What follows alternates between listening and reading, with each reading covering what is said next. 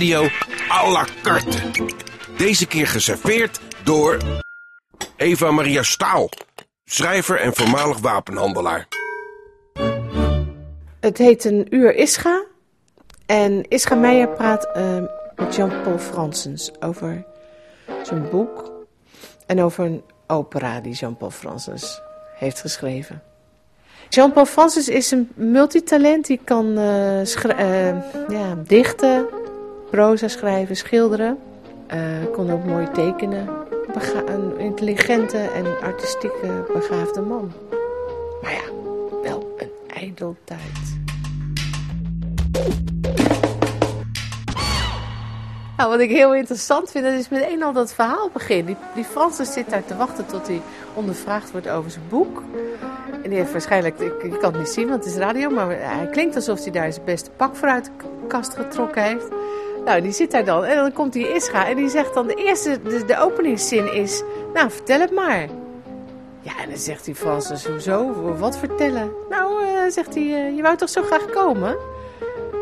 Nou, nou, nou, zegt die Francis dan, ik ben gevraagd, gevraagd, gevraagd, zegt die Meijer dan kwam je tegen op de brug drie keer. Je hebt drie keer gevraagd of je in het programma kon, omdat je wat te melden had. Nou, vertel het maar.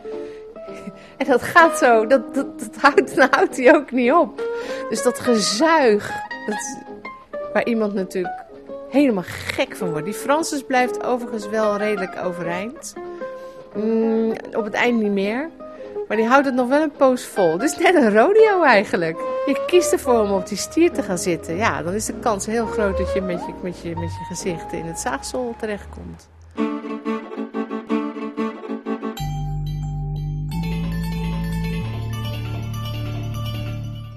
Heb het zelf ook wel gedaan hoor.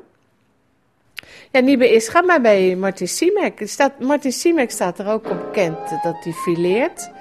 En ik ben natuurlijk wapenhandelaar geweest. Dus nou, en ik had daar een boek over geschreven, dus dat gesprek moest daarover gaan. Nou, dan weet je gewoon. Dat wordt een, uh, een bumpy ride. En dat werd het ook. Ik werd helemaal met de grond gelijk gemaakt. Maar aan het eind van het uur zei hij: En hoe vond je het? Ik zei: Nou ja, ik weet niet. Ik sta er nog een beetje van bij te komen. In de, in de hal was dat van de studio, toen was het afgelopen. Ik zei: Ja, maar ik heb natuurlijk wel vijf keer de naam van je boek genoemd. Nou ja, en dan denk je bij jezelf, ja, zo is het. Hij heeft dat wel gedaan.